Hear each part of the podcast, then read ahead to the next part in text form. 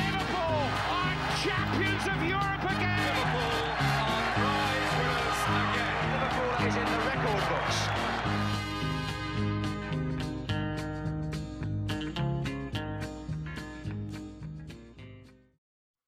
Hallå, hallå igen och eh, väldigt varmt välkomna tillbaka till LFC-podden podden. Ehm, det var ju ett tag sedan vi satt här och gjorde ett ordinarie, så att säga riktigt avsnitt. Eh, vi hade ju en intervju med supporterklubbens ordförande, son till legenden Glenn Hussein. Eh, Anton Hussein var med oss eh, förra veckan och gjorde en liten specialare.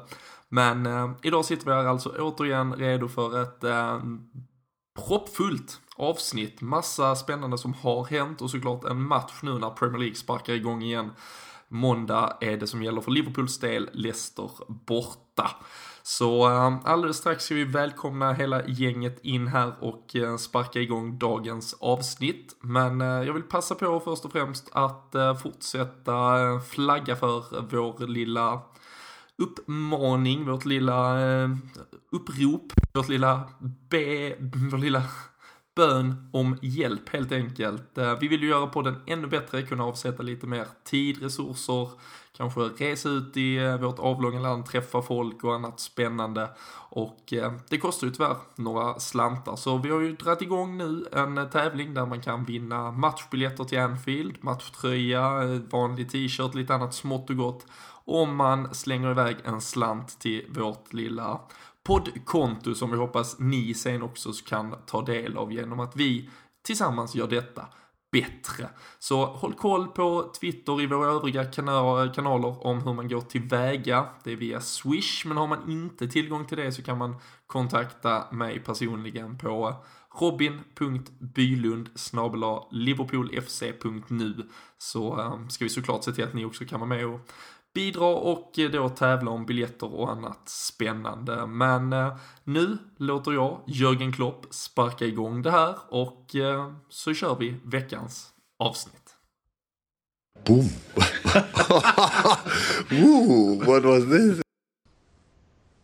Ja men då sitter vi alltså här igen samlade, redo för ett nytt avsnitt och vi har ju faktiskt eh, i, i stort sett samma sekund som vi eh, sätter oss eh, för detta så nås vi också av nyheten att Leicester, såklart högintressant med tanke på att det är vår nästa motståndare i Premier League, har bestämt sig för att sparka Claudio Ranieri, mannen som gav dem ett ligaguld för alltså bara ett drygt halvår sedan och eh, på många sätt var helgonförklarad i, i hela staden, är eh, nu alltså arbetslös och eh, inga officiella utlåtanden än på vem som eventuellt tar över. Det kanske är fram, eh, har framgått när detta publiceras men det vet inte vi, vi kan spekulera bara men eh, vi, vi kommer återkomma till det sen, vi ska ju snacka upp Leicester-matchen och självklart blir det med eh, infallsvinklar kring eh, det här som Leicester har valt att eh, göra. Men eh, vi har massvis med godbitar, massa härliga ämnen att diskutera innan vi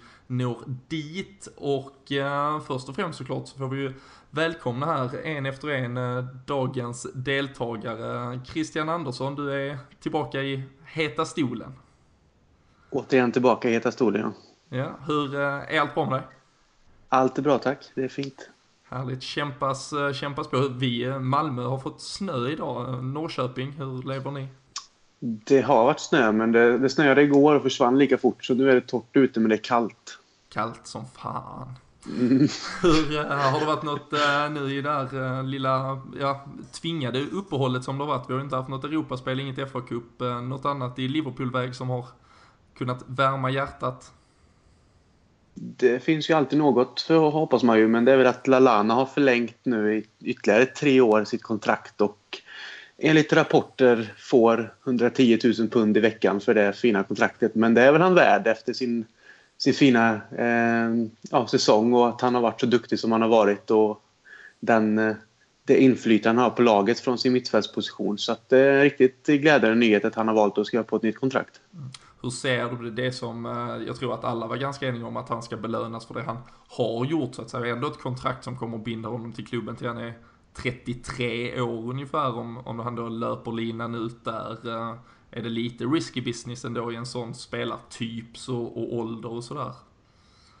Jag vet inte. Alltså, det beror ju på lite hur, han, eh, hur spelare från spelare väljer att hålla liksom, sin, sin kropp i form så att säga. Men han känns som att kan han löpa som han gör nu och fortsätta med det i, i, i några säsonger framöver så är det ju grymt bra. Men jag tycker egentligen att han har ju kanske några av sina bästa år framför sig. För han har ju tagit kliv under Klopp och då har han ändå varit i den här åldern också. Så att jag ser ju inte att det ska vara några problem. Eh, sen vet man aldrig. Men eh, känslan säger att han kommer fortsätta på det inslagna spåret. Mm. Och eh, för oss nästan direkt eh, nästa deltagare i dagens podd, Fredrik eh, Eidefors. Eh, och, eh, och du, vi satt ju och snackade innan vi gick in här, du hyllar ju just Lalanas ta hand om sig själv-principer som han verkar ha. Ja, det kom ut här alldeles nyss att någon intervju med honom att han, vad är det, åtta gånger per dag han äter ungefär. Så att det, det finns ju folk som gör det men kanske inte lika lika hälsosamt som han gör det bara. Då Nej, det var det vi också konstaterade. Springa. Ja, precis. Då hade man väl också själv kunnat springa en 15 kilometer på 90 minuter. Men det, det, det får bli en annan podd om, om de möjligheterna nästa gång. Vad har annars, eh, du, eh, du brukar eh, lite sådär ja, ofrivilligt ändå utses till någon form av eh, silly season-general här i poddstugan. Eh, Mahmoud Dahoud eh, har ju varit en eh, ryktenas man. Nu ryktas det att eh, Dortmund är väldigt nära honom. Det var ju en spelare som Liverpool har hållit ögonen på. Något, eh, något annat som har eh, fångat ditt intresse? Eh, ja, men det är väl just det här med i sillet, det har varit så tyst för oss och så när det kommer upp de här spelarna som jag har ryktat som eh, Julian Brandt från Leverkusen och Dahoud som du säger och även nu de senare med Kasper Dolberg, den här supertalangen från eh, Ajax. Eh, så, så sånt får jag upp ögonen för. Jag gillar när man kollar på talanger som ändå har tagit det här steget längre än de här eh, talangerna som bara är unga liksom, som inte har testat på A-lagsspel och så vidare. Så det tycker jag har varit rätt intressant att se vilka namn som har kommit upp och danskar verkar ju vara intressant för Klopp som har varit ute och sagt att han är imponerad av mentaliteten och det, eh, det får man väl... Och... ja, jag vet inte om man syftar på den parken-matchen med Sverige, om den mentaliteten eller om det är något annat men eh, nej, det verkar som att vi, vi kommer eh, kolla på en hel del spännande namn framåt sommaren som eh, förhoppningsvis inte då redan har lämnat för eh, större klubbar. Eh, sett att Real Madrid har varit ute efter Brandt och scoutat honom och så vidare. Mm. Och lite intressant, eh, ett av de första, vi har ju snart poddat i fyra år och den där första sommaren när vi började var ju då när Christian Eriksen ryktades eh, lite till Liverpool, det blev Tottenham sen. Kanske en spelare som med, med Jörgen Klopp som ledare hade skrivit på för Liverpool då med facit i hand. Ja, mycket möjligt. För det är som sagt han, eh, intressant att han har dessutom, det är samma scout som har scoutat fram honom som, eh, till Ajax som eh, Dolberg dessutom. Och även Zlatan faktiskt. Så det verkar ju vara så att de här spelarna som kommer därifrån eh, kan ta ett stort steg och då verkar de spelarna kunna ta eh, vara intressant för de här storklubbarna som kommer direkt från Ajax eller de storklubbarna från de mindre ligorna. Men eh, nej, det, det verkar sannerligen så. Mm. Ska du få in lite skryt om att du har mött Kasper Dolberg i fotboll också? Ja, obekräftat faktiskt. Men eh, ja, jag måste se bildbevis först. Men det verkar som att vi har stött på varandra trots att han är fyra år yngre i, i någon cup eh, i Danmark för x antal år sedan när jag spelade i, i Gais faktiskt den tiden. Så det var... Eh, han har tagit, vi har tagit två olika steg i livet kan vi väl säga, men eh, frågan är om inte poddandet är bättre än att spela i Ajax faktiskt. Jo då, absolut. um, det, äh, det är skitbra Fredrik. Vi äh, välkomnar såklart också vår äh, fjärde deltagare. Vi är fullt äh, manskap här i, idag. Kalle, har du fått sitta tyst länge. Hur, hur är läget? Jo, det är bara bra faktiskt. Uh, litet uppehåll nu från poddandet, så det är skönt att vara tillbaka. Mm, du har uh, fått fokusera på att bli uh, studiemotiverad och uh, ta lite nya tag. Ja, jag har ju försökt ta tag i livet här efter nyår, så att... det, det, det, det, är inte lätt. Det är inte lätt. Men uh, vad, vad har du ägnat dig åt då? Vi har uh, lite kontraktsförlängningar, silly snack och du måste ju uppehålla dig med någonting på föreläsningar och annat. Ja, jag har ju fastnat lite grann för att vi eventuellt ska sticka från Melwood som det verkar nu. Um, klubben och kommunen där akademin ligger är ju mer eller mindre överens om, eh, om planerna om att vi ska bygga ut akademin i Kirby och att A-laget kommer flytta från Melwood till, eh, till akademin. Um, om de här planerna får grönt ljus så verkar det som att, att eh, byggnaden ska börja redan 2018, nästa år alltså, och att det ska vara klart 2019. Uh, ehm, så att det är ju relativt snabbt ändå. Uh, beräknas kosta ungefär 50 miljoner pund. Så att det, det är ungefär vad man får en, en mittfältare för nu för tiden. En Raheem Sterling? Ja, ungefär.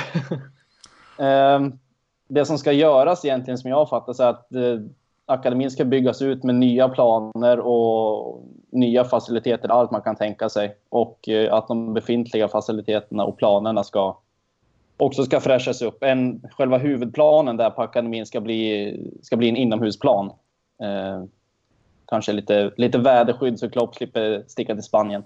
Mm, och speciellt om vi har sett eh, bilder från Liverpool eh, idag, stormen som hade dratt in där, så det var inte något vidare träningsväder kanske, men, men det här är ju på många sätt, dels är det ju såklart rent liksom, praktiska såklart i att föra samman klubben, vi säkerligen ett steg att förbättra just faciliteterna som du, du säger.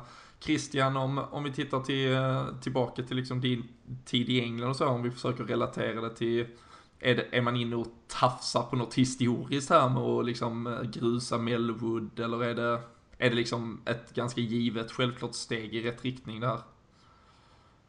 Lite är man väl inne och tafsar på historia sett till de namnen som har varit där och lett Liverpool och även spelarna som har kommit igenom där. Eh, men jag tror att just när det kommer till den här delen så tror jag inte att folk motsätter sig så mycket utan det är den utvecklingen som antagligen gör det bäst för spelarutvecklingen också. Och Klopp har ju ändå... Någonstans jag läste att Klopp har varit lite, vad ska man säga, irriterad över de här åtta kilometer, en mil eller däremellan eh, anläggningarna. Så jag tycker att det är ett steg i rätt riktning. Jag tycker ju det är viktigare då att man valde att behålla eh, Anfield som Anfield och bygga ut arenan. Där är liksom, skulle jag inte vilja se något nytt. Så just den här delen tycker jag, tycker jag bara är bra och hoppas att det kan göras relativt snabbt och att eh, och att det blir, blir av helt enkelt. För eh, ja, jag tror bara det kan gynna klubben helt enkelt. Och man pratar ju, Jörgen Klopp har ju själv pratat mycket om liksom det, närheten, att steget ska vara så enkelt och naturligt från juniorlag om man säger så, vidare upp och, och, ta de sista stegen. Och jag vet för ett par år sedan när jag satt och pratade med Kristoffer Petersson eh, som eh, var och fostrades i den där talangskolan. Han sa ju det att du kunde ju faktiskt få ibland en klapp på axeln att liksom, nej du får hoppa in i en taxi och åka till Melwood för du ska spela med, eller träna med A-laget. Man tränar kanske samtidigt så fick man sticka iväg då en, en kvarts taxiresa för att fullföra någon sista övning med, med laget och eh, även om det såklart var väldigt häftigt att ge sig ut på det så måste det ju såklart finnas något naturligt starkare eh, Fredrik i att verkligen samla alla på ett ställe. Ja, jag tycker absolut det. Och det känns som att om man tar City, visst nu har de ju byggt någon ordentlig eh, alltså, anläggning där eh, som kostar betydligt mer än vad våran kommer göra. Men jag, jag, tror att det är ett rätt sätt att tänka. För det är, liksom, du bygger en gemenskap sett runt hela klubben. För det är inte bara ett A-lag utan Liverpool fotbollsklubb står för. Utan det är mycket mer än så. Så att eh, nej, jag håller med. Det, hade, det är en naturlig lösning och eh, tror att det kan bli eh, riktigt bra för hela klubben faktiskt. Och, samla lite mer än bara A-laget på samma ställe. Mm. Kalle, du som har också läst mycket om det, men känslan kring är det, här något som Jörgen Klopp personligen också har varit väldigt aktiv i att driva fram? Det, det känns ju så eh, utifrån, men, men en tränare är ju trots allt inte här för att stanna hela livet. Nej, Nej det, är, det är Klopp som har varit den drivande kraften bakom och försöka få det här beslutet att gå igenom. Dels för att han vill utöka faciliteterna. Melwood är ju relativt ett litet område. Det går ju inte att bygga ut på grund av att det är hus och sånt omkring. Men sen vill han även ha närheten till hela organisationen med alla ungdomsspelare. Eh, jag läste någonting om att han hade inte varit där en enda gång på, sen han var där bland de första gångerna när han skrev på för klubben så har han inte hunnit se de här allra, inte allra yngsta, men mellanskiktet om man säger. Så att det underlättar ju för honom också att hålla koll på ungdomarna som kommer underifrån. Så att det är absolut han som har varit absolut mest drivande i det här en viktig del som jag spontant känner också, det är också alltså, all kunskap i form av tränare. Vi pratar om en Alex Inglethorpe, eh, vi hade en Michael Beal tidigare som nu har gått vidare, men alltså då, då vi, vi har haft extremt kompetent personal knutet till akademin som, som säkerligen kan bidra väldigt mycket även i de övre leden så att säga, där Jörgen Klopp kan ta in influenser och, och, och säkert lära han också Christian. Eh, kan, kan det vara en av orsakerna också till att man nu liksom ja, ju mer, eller kan det vara ju fler kockar, ju sämre soppa, jag vet inte, men min känsla är att ännu fler kompetenta människor i och omkring varandra bör kunna ge ett resultat.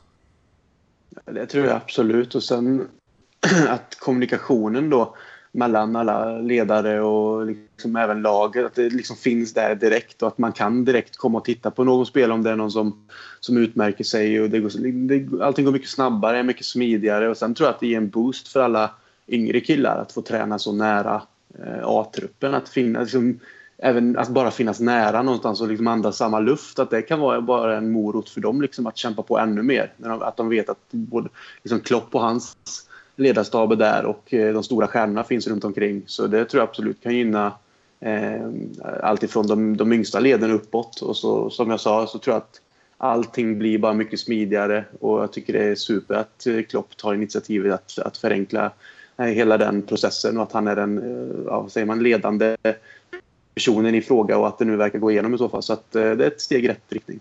Och eh, från ingenstans Fredrik så är ju plötsligt eh, Steven Gerrard närmre A-laget också.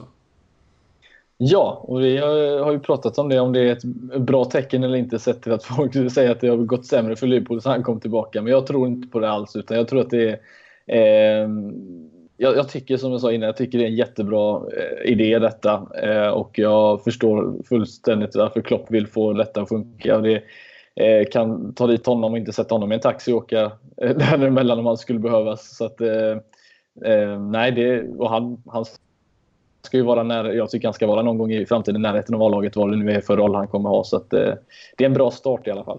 Mm. Kalle, det här med tafsa på historia, är detta egentligen att, att vi då såklart gör en förändring som på många sätt kan ses som radikal, men, men är det inte egentligen verkligen the Liverpool way att, att samla alla? Eller, eller ska det vara någon längtan, för det vet ju också många yngre spelare har skvallrat lite om att det ändå ska vara att man ska ju längta till något annat ställe, så att säga. Man ska längta sig bort på något sätt. Kan, ja, vad, vad tror du? Ja, absolut kan det vara så. Och sen, man ska ju tänka att, vi har ju, som du sa, vi har ju varit på Melwood nu i, vad är det, snart 70 år. Så att det, det är ju lite historia i väggarna där. Samtidigt måste man kunna se till det här det logistiska på det, det hela också, att allting blir så mycket enklare om man har alla samlade. Eh, tror fortfarande att själva känslan av att gå upp och träna med A-laget kommer ju självklart finnas kvar. Eh, men sen, man, det ska man ju inte sticka under stolen med att det är något speciellt med Melwood, att man får, får åka upp dit och träna. Men eh, hur man än vrider och vänder på det så, så, tror jag att det här är absolut ett steg i rätt riktning. Mm. Jag tror också rent så att säga, alltså, fotbollsutvecklingsmässigt så, så tror jag dels måste man ju investera i faciliteterna. Det är ju e-, egentligen på båda planen hade man behövt investera och att nu då välja ett och verkligen alltså, ta det ett steg längre så att säga tror jag är helt rätt. Ehm, och jag tror också det finns mycket att vinna på det här med att samla kompetensen kring sig och, och ha närheten även till spelarna. Men jag tror faktiskt ändå att en, en viktig punkt kan vara att behålla ändå den här att att det ska vara något speciellt så att det inte blir för, liksom ändå eh, nära på något sätt. Det ska vara den här lilla, det ska vara något speciellt att ta det där sista steget. Och eh, det, men det är helt övertygad om att det är saker man har tänkt in. Det kommer säkert finnas liksom A-lagsplaner och, och så vidare. Så eh, man kommer nog veta när man tar det där sista steget. Men eh, intressant att se och som sagt pengar återigen också Fredrik som FSG då går in med. Vi har haft arenabygge till exempel, men eh, man pratar fortfarande om nettspänn på transfermarknaden. Men eh, vad, vad säger vi om en sån här investering? Alltså, jag tycker sådana här grejer, allt som får klubben att, eh, att hjälpa klubben på något sätt tycker jag ändå är är rätt schysst. Det är ju som sagt eh, 2-3 miljarder för en ny, helt ny anläggning som City lägger ut. Det är en helt annan grej och visst om andra pengar men just den typen eh, känns lite onödigt för detta. Men eh, jag hoppas att de kan, att det, detta inte bara är pengar som kommer gå till detta och ingenting sen utöver det utan att detta är något som ska få klubben att växa på något, något sätt som de har i tankarna. Det, det tror jag absolut. Så att, jag tror inte vi behöver oroa oss för att eh, få några fina värvningar till sommaren på grund av detta, men eh, det ska nog kunna eh, hjälpa klubben på något sätt. Mm det känns ju också, jag skulle säga att, att Citys uh, spenderande på sin anläggning känns ju lite så här uh, halvdopat uh, sätt ja. till att förskingra pengar som har gått till annat. För det tas ju inte in när du investerar i ungdomsverksamhet så tas ju inte det in i de här financial fair play som en gång i tiden sattes upp och som man visserligen ändå får bryta mot typ hur mycket man vill. Men, um, nej men det är ju såklart, jag, jag tror det är på lång sikt kommer att kunna vara väldigt, väldigt bra och viktigt ehm, för, eh, för Liverpool att, eh, att följa med lite i utvecklingen. Ehm, för eh, jag vet inte, Christian, återigen kanske, men din känsla kring det här liksom att Liverpool har ju varit en klubb som länge har velat stå och ändå stampa liksom. Vi har ju inte velat fräscha upp um, omklädningsrum på Anfield och så vidare. Börjar vi se lite brytpunkter vi liksom tar några faktiskt kritiskt fotbollsutvecklingsmässiga steg nu istället för att titta så mycket på känslor om man får liksom vara lite svart och vit. Ja, men det tror jag. Ehm, jag är väl lite själv nostalgisk och gillar det gamla och, att gilla, liksom ha kvar det, den historia som finns i väggarna. Och det är samma sak med Anfield. som jag sa innan, att jag är glad att vi byggde ut arenan istället för att bygga en ny. Och och allt sånt här. Jag, jag gillar det, men jag tycker också att vi måste ju ändå, som du säger, se framåt. Och ska vi utvecklas med de större klubbarna, kanske inte riktigt på samma nivå som de här eh, oljeshakesklubbarna. Liksom. Det, det kan vi inte, men ska vi någonstans följa med i racet så måste vi ändå ta stegen. Och då tycker jag ändå att man någonstans gör sunda steg framåt nu som är eh, med, med ihopslaget av både Melwood och Kirkby. Då. Så att då tycker jag liksom att man tar sunda steg i rätt, i rätt riktning helt enkelt. Man tar sig nog inte vatten över huvudet. Man ser ändå de här stegen och målsättningarna som är med det. Och sen att sådana klubbar som sitter då kan lägga ut flera miljarder på det är en helt annan grej. Men jag gillar ändå att man någonstans behåller eh, det som ändå är någonstans är det nostalgiska Liverpool med den här sköna känslan som vi pratar om. Men att man ändå då vill, vill gå framåt och utvecklas. Så att, eh, gör man det bara i en normal takt så är jag jätteglad eh, över det. Så hoppas vi att det kan nå sportsliga framgångar också så, såklart. Mm. Absolut. Ehm, vi, ehm, vi lämnar väl eh, lite den här eh, frågan. Vi får ju se, det, det tycks ju verkligen vara, vara på gång så att säga. Vi får ju se om det kommer några mer officiella beslut så att säga och eh, mer detaljerade planer som vi kan falla tillbaka på senare. Men ehm, en ganska intressant såklart aspekt att diskutera. Ett ehm, annat ämne jag tänkte att vi skulle snacka lite om idag och egentligen det, det ligger väl egentligen framför fötterna på det vi har pratat om. Eh, det här med DNA och kultur och, och hur Jörgen Klopp framförallt har anammat det generellt och hur han jobbar. För jag vet att eh, några av er, säkert några av er som lyssnar också, annars är det ett tips. Eh, finns ju en eh, suverän eh, podcast, eh, nästan lika suverän som våran. The, The Anfield Rap, eh, ett par eh, grabbar i i Liverpool som i stort sett poddar på heltid. Och eh, de bjöd in eh, här om, eh, ja bara för några dagar sedan, en väldigt inspirerande person, professor Damien Hughes, som har studerat och skrivit flera böcker om vinnarmentalitet, DNA i fotbollsklubbar. Och man fick kanske, utan att Damien i, i detta fallet har analyserat Jörgen Klopp, så fick man kanske ganska många svar på varför han beter sig ibland som han beter sig. Jag tänker att vi ska försöka återskapa lite av diskussionen för att ändå dela med oss av den, annars finns den att hitta där med. Kalle, jag vet, du var en av de första här bland oss som, som lyssnade på det och fick, fick upp ögonen och öronen. Ja, eh, jag pendlar ju på daglig basis nu så jag måste ha någonting att lyssna på på varje dag. Och du kan köra oss själva på repeat hela tiden. ja, nej, så egoistisk är jag inte, inte än. Så att, eh, Nej, men det var, det var jäkligt intressant faktiskt. Uh, han, han pratar väl mer också om, om idrotten generellt. Mycket om Guardiola bland annat. Hur, hur han arbetar. Um, och då kanske man kan inse ganska snabbt varför det inte funkar för en sån som Zlatan i Barcelona till exempel. Um, han använder att, ju faktiskt Zlatan som, som väldigt mycket referenspunkt i det här med hur, vad, vad spelare som inte passar in i ett DNA. Ja, precis. Um, ska man ta det till Liverpool idag så är det väl många spelare som, som kanske passar in i Klopps DNA och köper hans, hans eh, tankesätt till 100% nu. Eh, finns ju fortfarande mycket utvecklingspotential på den biten självklart. Mm. Några speciella här, delar du snappade upp från den som du tyckte var intressant? Ja, jag lyckas ju gå och somna där efter, efter ett tag på tåget. så att jag, jag har inte hört allt för mycket när de kom in på Klopp. Men bland annat det här med... Det var mycket Guardiola de pratade om egentligen hur, hur, hur han tänker. Um, bland annat att han hade anställt en, en snubbe som enbart skulle studera Barcelonas bänk. Uh, och se, se vilka spelare som, som jublade när Barcelona gjorde mål och vilka som inte gjorde det. Um, då kunde han tydligt se vilka som var förbannade över att de har blivit bänkade och vilka som fortfarande var med på tåget. Och de som inte visade så mycket entusiasm, de gjorde han sig av med ganska snabbt. Um, så att han kunde utkristallisera ganska snart vilka spelare som var, var hans typ av spelare, om man säger. Det var väl en av många intressanta saker som de var inne på. Det är verkligen ett tips att, att lyssna på det. Mm.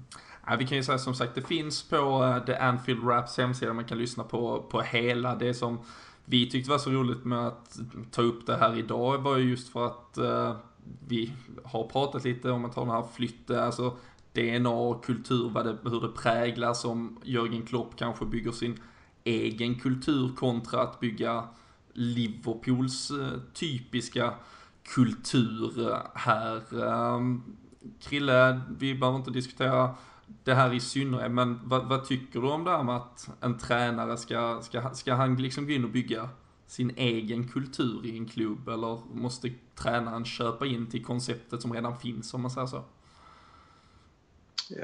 Det är väl egentligen lite både och kan jag tänka mig. För just, som, just när det kommer till Liverpool så är ju för mig och för alla andra som håller på Liverpool så är det ju något speciellt och det vill man ju inte ska rubbas helt och hållet. Men eh, det som jag tycker är intressant då är att de managers som Liverpool haft eh, i modern tid som, som vi kommer ihåg eh, har ju alla gått in och sagt att det är något speciellt med klubben och inte vill rubba allt för mycket på historia och de pelarna som klubben är liksom byggd på. Men samtidigt är det självklart att de alla vill sätta sin prägel på, på, eh, på hela klubben och spelarna och eh, spelsystem och hur man, hur man arbetar. Och eh, ska, ska man se till de tränare vi haft det senaste så tycker jag väl att Klopp känns...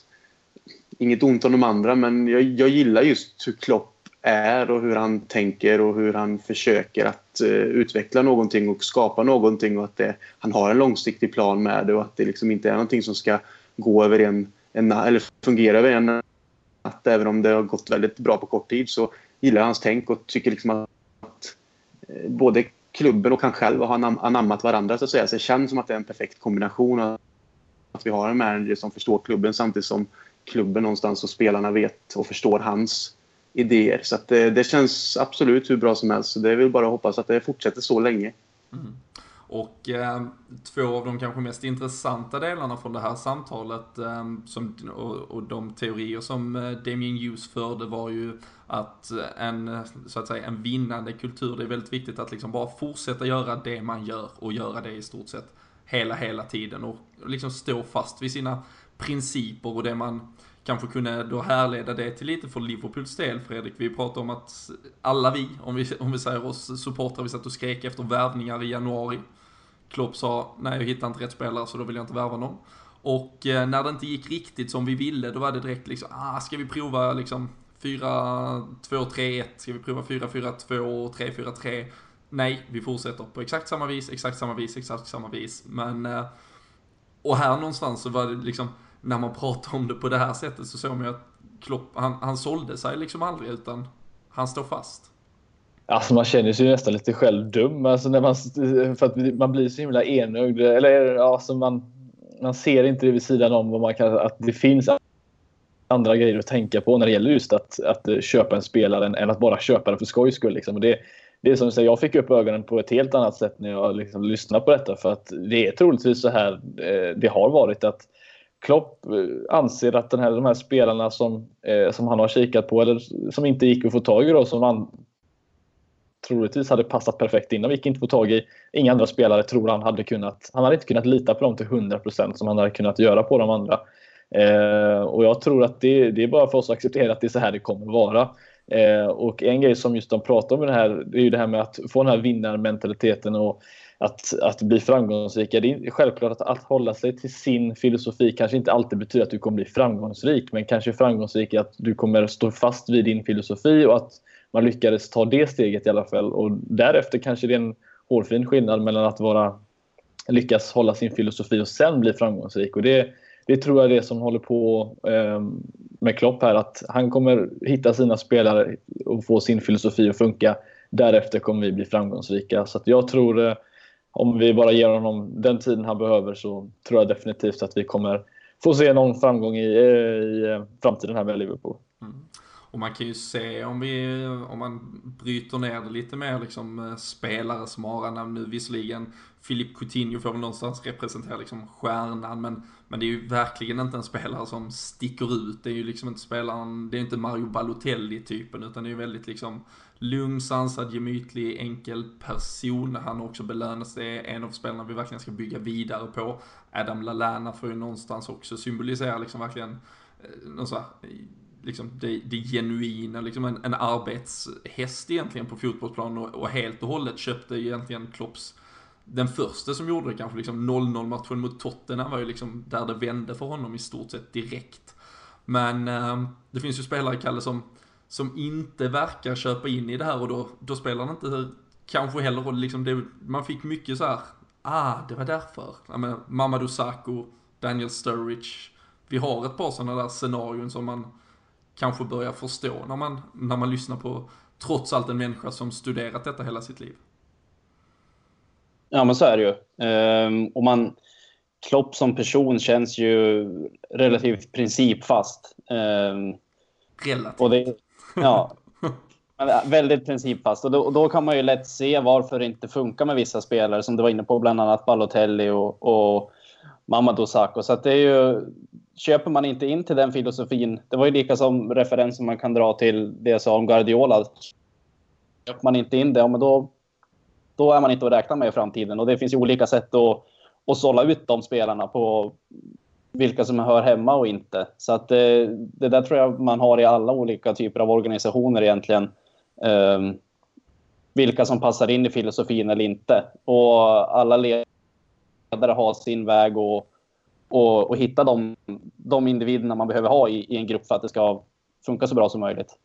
En sak som jag måste bara säga, just som du vi pratade om de här stora stjärnorna som han var inne och eh, pratade om också, just den här eh, Damien. Att, nu sa han inte vilket Premier League-lag det var, men han hade ju blivit, eh, fått, ja, skulle hjälpa något Premier League-lag och hålla dem liksom kvar i Premier League. De hade haft en, ja, en dålig form och så vidare, så var det väl några matcher kvar och eh, lyckades liksom få det här skeppet att vända på något sätt. Och de här spelarna hade liksom uppfattat då att det här, att det här var ett sätt då för dem att liksom komma, eh, ja, gå framåt helt enkelt. Så de hade liksom gått och, och bett de här eh, ledningen att spela liksom, spelare som, alltså ungdomsspelare egentligen, som mer liksom, tror på den här filosofin och inte de här stora stjärnorna som sen troligtvis kanske hade lämnat då. Och jag tror att det här är också en grej just med att istället för att spela en Balotelli till exempel som är den stora stjärnan som kanske tekniskt sett är bättre än en ungdomsspelare så kanske det är bättre att spela den här ungdomsspelaren för att just han eh, följer den här filosofin och verkligen eh, är med på det tåget. Och det kan också vara ett sätt för Klopp sen att eh, just de här ungdomsspelarna som han har tagit in att de eh, de har väl köpt hans filosofi och därför är de en del av eh, A-laget även trots i, i tidig ålder. Mm. Han refererar ju också till eh, hur, eh, hur man såg tidigt att om Lionel Messi skulle bli bäst i världen så kunde man inte ha Ronaldinho som förebild med tanke på sitt festande och hur hans leverna såg ut eh, och då gjorde man sig helt enkelt av med att man hela tiden måste sålla även om det kan anses på pappret vara att man försvagar eller mm, på felaktigt sätt förändrar en, en trupp så att säga. Men eh, och Klopp har ju liksom varit, som sagt, han har ju varit väldigt, väldigt hård och han har ju, det tror jag, han har ju ändå visat att han har stor tro och det är ju antagligen då som, som människor och som liksom kulturbärare på det sättet till spelare som James Milner, Dejan Lovren, Lukas Leiva till viss del. Um, med flera. Emre Can ju spelar han har gett extremt mycket förtroende. Och um, när man såklart återigen om man tar in den här aspekten som är på något sätt fullständigt objektiv och nyanserad istället för att den är liksom supporterhjärtat som bara klappar efter ännu en förlust. Så, um, så måste man ju ändå tro, eh, liksom när man ändå lägger de här pusselbitarna, att det här är det långsiktigt rätta Krille istället för det här panikartade som, som vi såklart ibland vill. Vi, vi är ju resultatfixerade, det är självklart. Jo, så är det ju. Sitter man som sagt efter en förlust, laget har spelat eh, dåligt och det har inte sett bra ut. Det, det, det är klart att man man ser saker på ett annat sätt. Det gör nog vem som helst. Det spelar nog ingen roll kanske vem du är om du är liksom en, en support som verkligen brinner för ditt lag. Men samtidigt då, som, som Fredrik sa innan, det, man blir lite blind så man ser kanske inte just de grejerna man kanske i det långa loppet borde se. Eh, och vara lite mer eh, analyserande och liksom, ja, se det mer i det långa loppet. att fortsätter vi på, på ett sätt som Klopp vill så kommer det till slut bli rätt och får han liksom arbeta in sin filosofi och få alla spelarna att dra åt samma håll och, och så kommer vi bli framgångsrika. Men det är ingenting, det är ingenting man sitter och, och ser när man har åkt ur två kupper på en vecka. Då, då, då, är man frustrerad och så. Det är ju så supporterlivet ser ut och jag ser, inget, jag ser inget fel med att det är så heller. För det handlar mycket om känslor så att känslorna ska ju vara fria och få fram också såklart. Så att eh, så länge de är någorlunda sansade. Ja, ja, precis. Vi behöver alltid ett, ett dygn ungefär innan vi kan sitta här och, och, och snacka.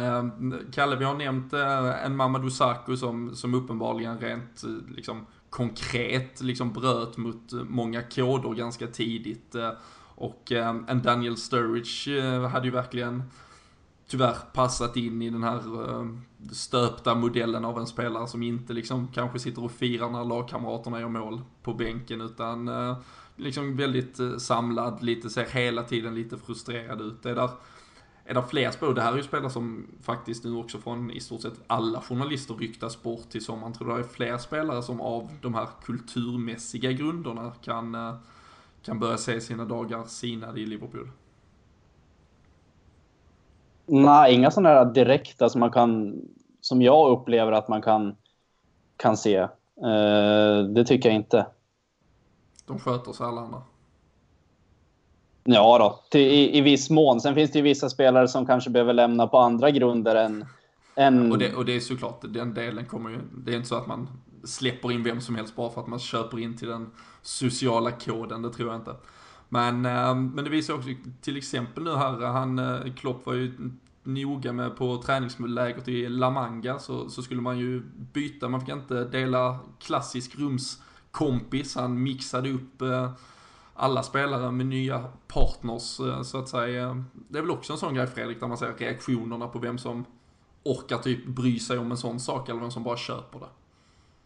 Ja, alltså det är, det är klart att eh, brassarna gärna hade velat eh, sova i samma rum och prata sitt, eh, sitt språk och kunna liksom förstå varandra på det sättet. Men det här är, de är inte där för att eh, festa och vara kul utan de är där för att eh, få den här gruppen att eh, hålla bra gemenskap och kunna ja, avsluta säsongen på ett bra sätt och det tror jag definitivt. Jag har själv varit i situationen så jag vet precis hur det känns men det, det, det skadar aldrig att lära, lära känna nya sidor av andra människor så att det, det tror jag var bra gjort av Klopp faktiskt.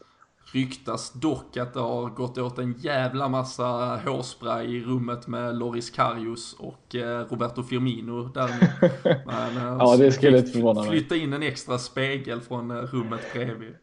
Men, nej, men jag tycker absolut alla som har tid och möjlighet, sök bara The Anfield Rap och trolla fram det här avsnittet med Damien Hughes. För många jäkligt vettiga och intressanta infallsvinklar och eh, det är ju en podcast i övrigt att eh, absolut eh, hålla öronen på så att säga. Mycket bra material som kommer därifrån. Men jag tycker vi tar ett avstamp här. Vi låter Jörgen Klopp skicka oss vidare in i vad som komma skall för nu ska vi snacka upp matchen mot Leicester. Boom.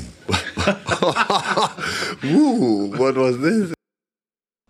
Sådär då ja, då eh, har eh, ett eh, klassiskt härligt boom skickat oss in i poddens sista, kanske viktigaste del och framförallt den mest, så här, blev lite instinktivt nästan, fick ju nya eh, synsätt på, på den här delen precis här innan vi gick in. Eh, Kalle, vi får ju trots allt börja i, i den änden, nyheten som nyss eh, nådde oss. Eh, Claudio Ranieri sparkad från eh, Leicester eh, sju, åtta månader efter att han vann ligan åt dem.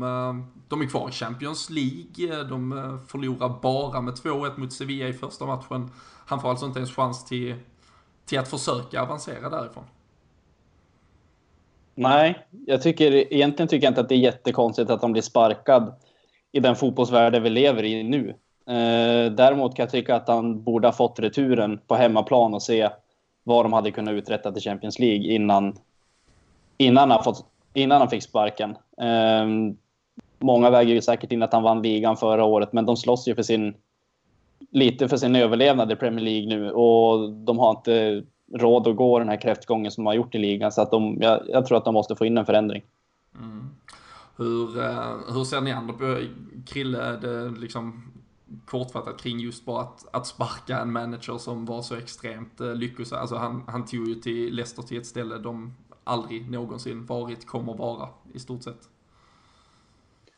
Nej, det, alltså, jag tycker det är lite svårt det där just för att som Kalle säger så har jag förståelse varför, varför han blir sparkad. De ligger liksom en poäng från nedflyttningsstrecket och eh, riskerar verkligen liksom att åka ur Premier League en säsongen efter att de gick och vann ligan. Och det är ju nuet man måste någonstans eh, greppa om och, och, då är det inte bra och då är, finns det fog för att sparka honom. Särskilt nu de är, om de hänger löst i Champions League. Men samtidigt, som jag sa innan, så är jag lite av den gamla skolan och tycker att han kanske borde fått fortsätta. Liksom, både för att ta returen i Champions League på hemmaplan men även kanske för att försöka vända det här skeppet då och ändå rädda dem kvar. Och därefter kanske man kan sätta sig ner i så fall. Åker de ur så åker de ur ändå. Det spelar ingen roll om det kommer in en ny manager om de inte lyckas vända det. Vilket jag ser ska, kan vara väldigt svårt. Men eh, ja, det, det är väl både på gott och ont kanske. Både tråkigt men någonstans ändå eh, logiskt. Alltså det, det jag tycker är så bisarrt är ju att man ens liksom säger orden att liksom Leicester sparkar en tränare som har, alltså som är i Champions League-slutspel med, alltså Leicester har absolut inte förtjänat sig rätten att någonsin sparka en tränare som leder dem i Champions League. Alltså, det är, alltså hade de inte vunnit förra året, hade de kommit liksom på plats 14 förra året så hade Ranieri varit kvar. Hade de då legat där de ligger idag så hade Ranieri troligtvis också varit kvar. Um, liksom alla som uh, lyssnar på denna podden vet att jag kan vara ganska radikal i mina åsikter annars, men, uh, men här tycker jag det är, jag tycker det är, frukt, jag tycker det är direkt snuskigt och att man liksom för 16 dagar sedan gick ut med ett liksom officiellt utlåtande att vi har uh, liksom Ranieris rygg här, vi stöttar honom i allt, vi tror på en långsiktig lösning, vi kommer vända det här. Och, och så ger man inte honom ens chansen här då att faktiskt ta Leicester till en kvartsfinal i Champions League och liksom där kan allt hända. Men äh, jag, hopp, jag hoppas innerligt att det går så jäkla dåligt för den här klubben nu. Jag tycker det är um, fruktansvärt faktiskt. Um, och uh, jag hade kanske skrikit efter samma sak, men alltså att vinna ligan, alltså det skulle till och med varit, alltså hade Liverpool vunnit ligan så tror jag nästan att jag hade varit okej okay med att en manager gjorde vad som helst nästa säsong. Men uh, det reserverar jag mig såklart för uh, ifall det skulle hända. Uh, Fredrik, jag tänkte på en sak eftersom du pratade lite om det här med spelare som kunde gå in och liksom tycka och tänka kring lite laguttagningar och sådär när vi pratade det här tidigare. Det har ju börjat sippra lite kring Leicester nu också att eh, de spelarna, och då, det nämns ju inga namn här, har varit missnöjda med till exempel laguttagningar. Eh, det var Musa fick starta för Gray här i Champions League mot Sevilla, något som spelare ska ha varit besvikna med och så vidare vad ger vi för sånt att spelare ens, liksom, har de ens något att tycka? De har ju underpresterat varenda en av dem. Ja, det är det. Alltså, hade det varit så att de hade eh, liksom, varit en väldigt avgörande sätt till att du kanske eh, hakar på i toppen eller i detta fallet då du, gör något väldigt, du ligger väldigt långt ner och du är jättenära på att åka ur och de gör väldigt konstiga laguppställningar, äh, ja, laguttagningar. Då kan jag förstå det. Men det här är alltså ett lag som ser identiskt ut med det som... Det var en spelare som egentligen har lämnat det här laget. Eh, som betyder lite har, grann. Ja, lite grann visserligen. Men just att det ska inte påverka på det sättet. De har, som sagt, har man presterat på ett bra sätt och att de då kommer att göra något väldigt konstigt, ja då kan jag förstå dem. Men eh, det finns ingen som sticker ut i det laget längre. Eh, och då, därför kan inte det... Jag, jag, kan inte förstå hur det ska vara så stor skillnad och att de ska kunna klaga. Då är det bara att de är känner sig stressade av att de är i situationen och att den spelaren som har spelat kanske inte är lika omtyckt. Det kan väl vara något sånt. Men eh, nej, de, jag, jag förstår inte heller på det. Jag hoppas verkligen att det blir 8-0 på måndag för jag klarar inte av att... Det är den här framtiden som vi går emot, eller hur det ser ut nu alltså med fotbollen. Att du kan... Det var någon lista som du har twittrat ut där, liksom, tränare som vunnit ligan och blivit sparkad eller lämnat året efter. Och det, är liksom, det är så det ser ut och det är jättekonstigt. Men eh, det är, det är dagens fotboll tyvärr. Mm. Fem år på raken nu som en, eh, så att säga, regerande mästartränare inte har Ja, två gånger har de fått slutföra säsongen men då har det redan varit klart med en ersättare till sommaren så att säga. Så det är ingen som har fått mer än ett år efter att de har vunnit ligan. Det, eh, det, är, det är annat än vad det är för Arsene Wenger kan man väl säga. Men äh, det, det krävs kanske en annan... Det är, det är hela hans plan kanske. Ja, han, äh, han håller sig där på fjärde plats och, och, och, och lurar lite.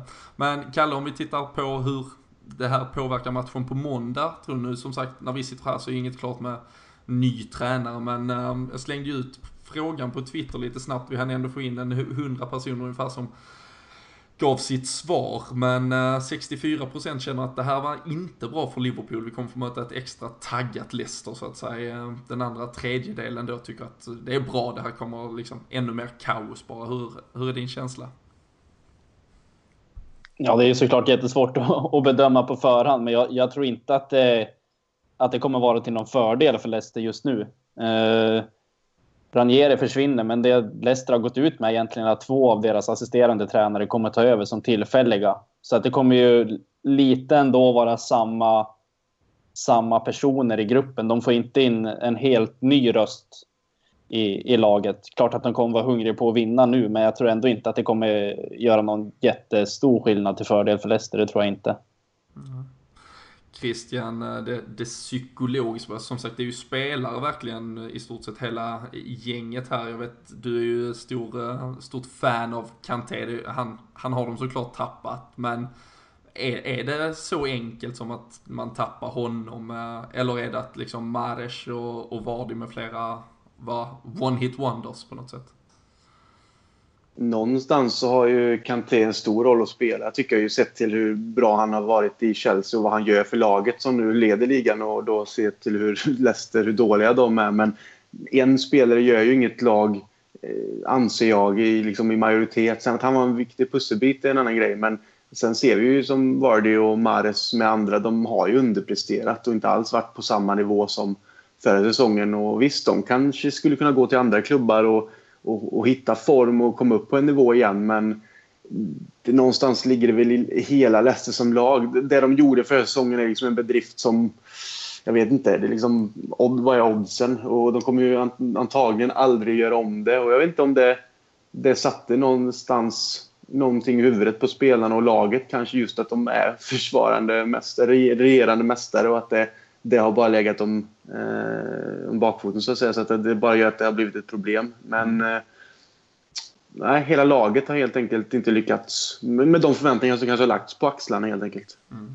Och det är ju som sagt, alltså, där kan man ju säga vad man vill, men det är ju som sagt, det är ju ett Leicester som verkligen, och framförallt sen årsskiftet, är väldigt dåliga. Man har alltså inte gjort ett enda ligamål. Eh, man har förlorat fem senaste ligamatcherna. Man har en en vinst mot Everton i FA-cupen eh, även man har eh, segermässigt med sig. Så det är faktiskt i stort sett det enda laget som har startat sämre än Liverpool om man ser till, till början av 2017.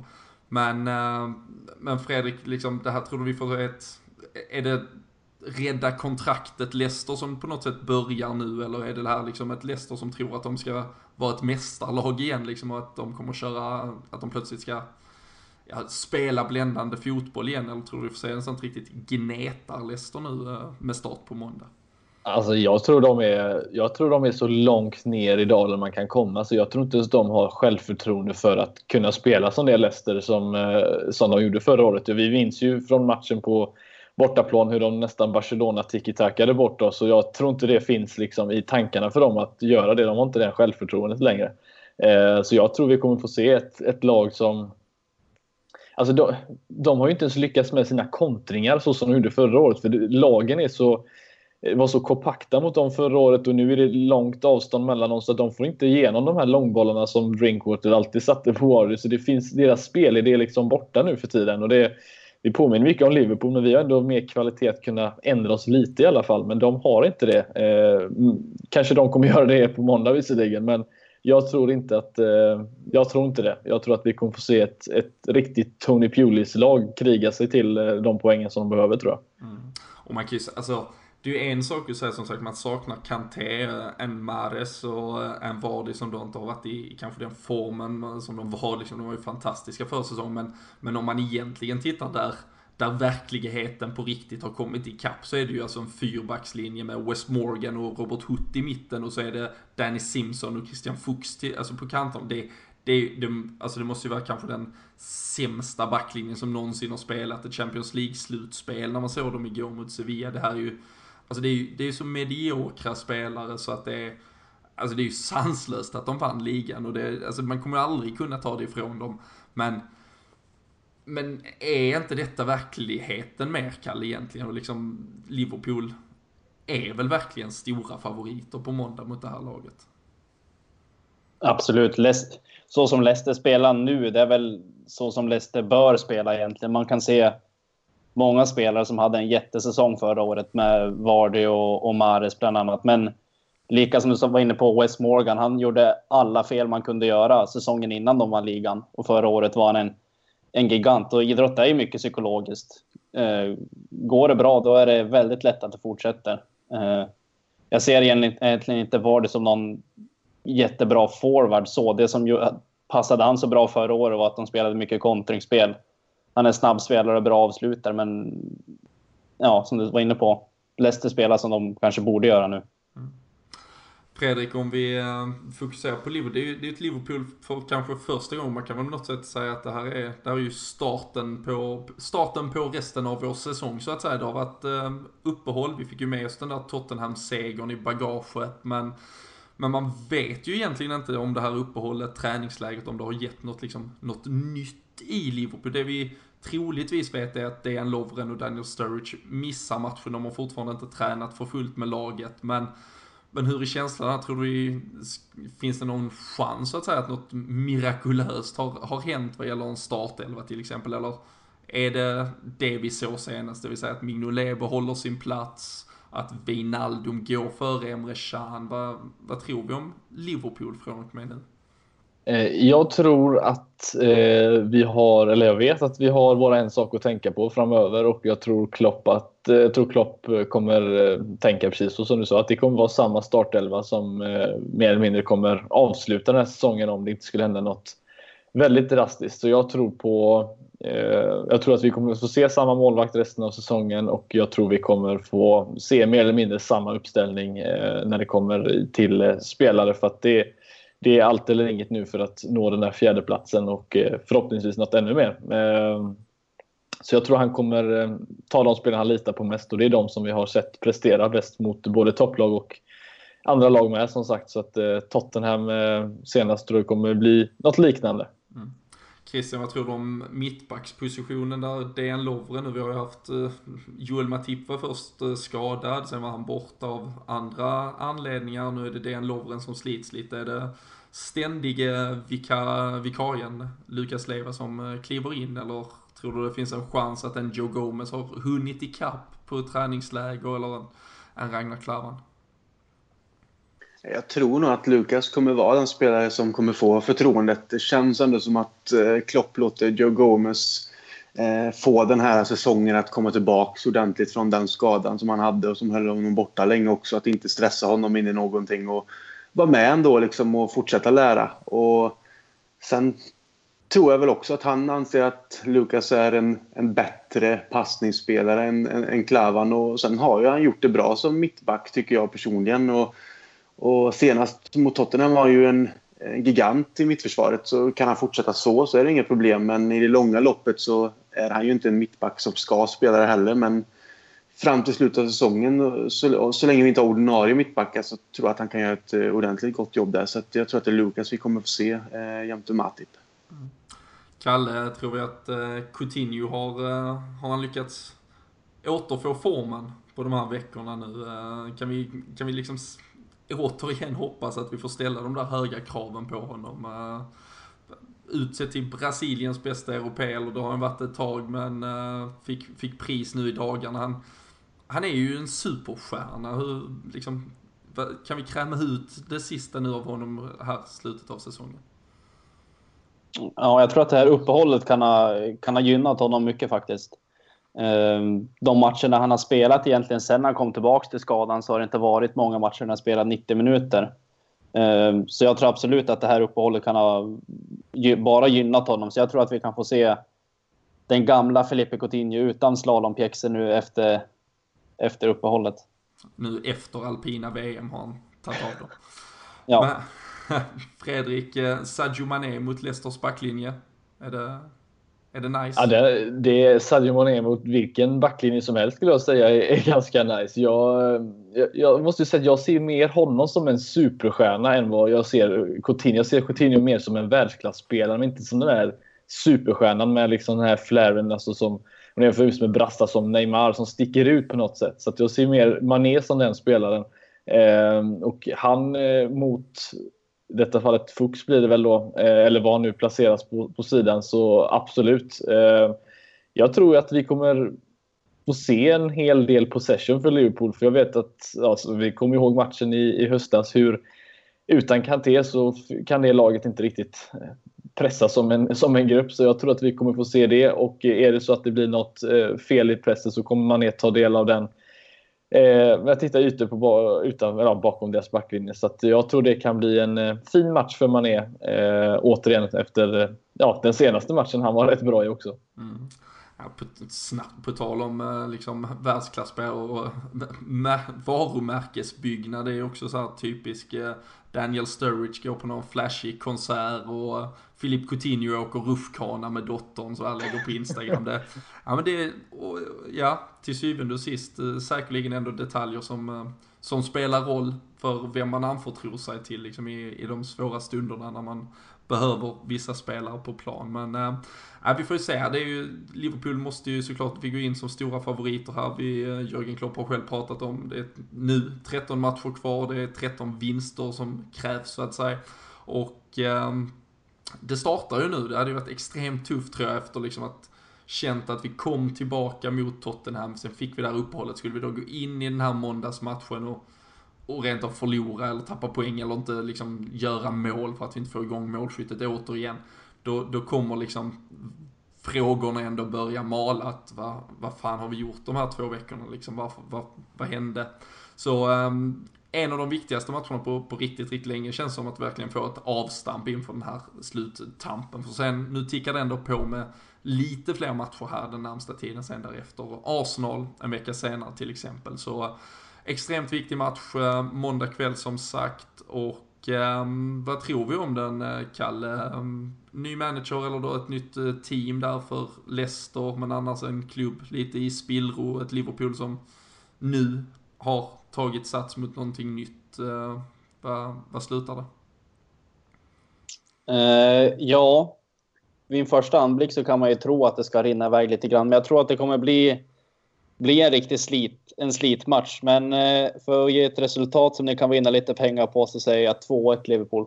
Snyggt. Det eh, brukar ju dock vara du som står för den största optimismen. Vi får ju se här vad, vad resten av grabbarna säger. Christian, 2-1, eh, kan du bräda det eller är du nervös inför det här? Ja, mina nerver är alltid dåliga inför matchen.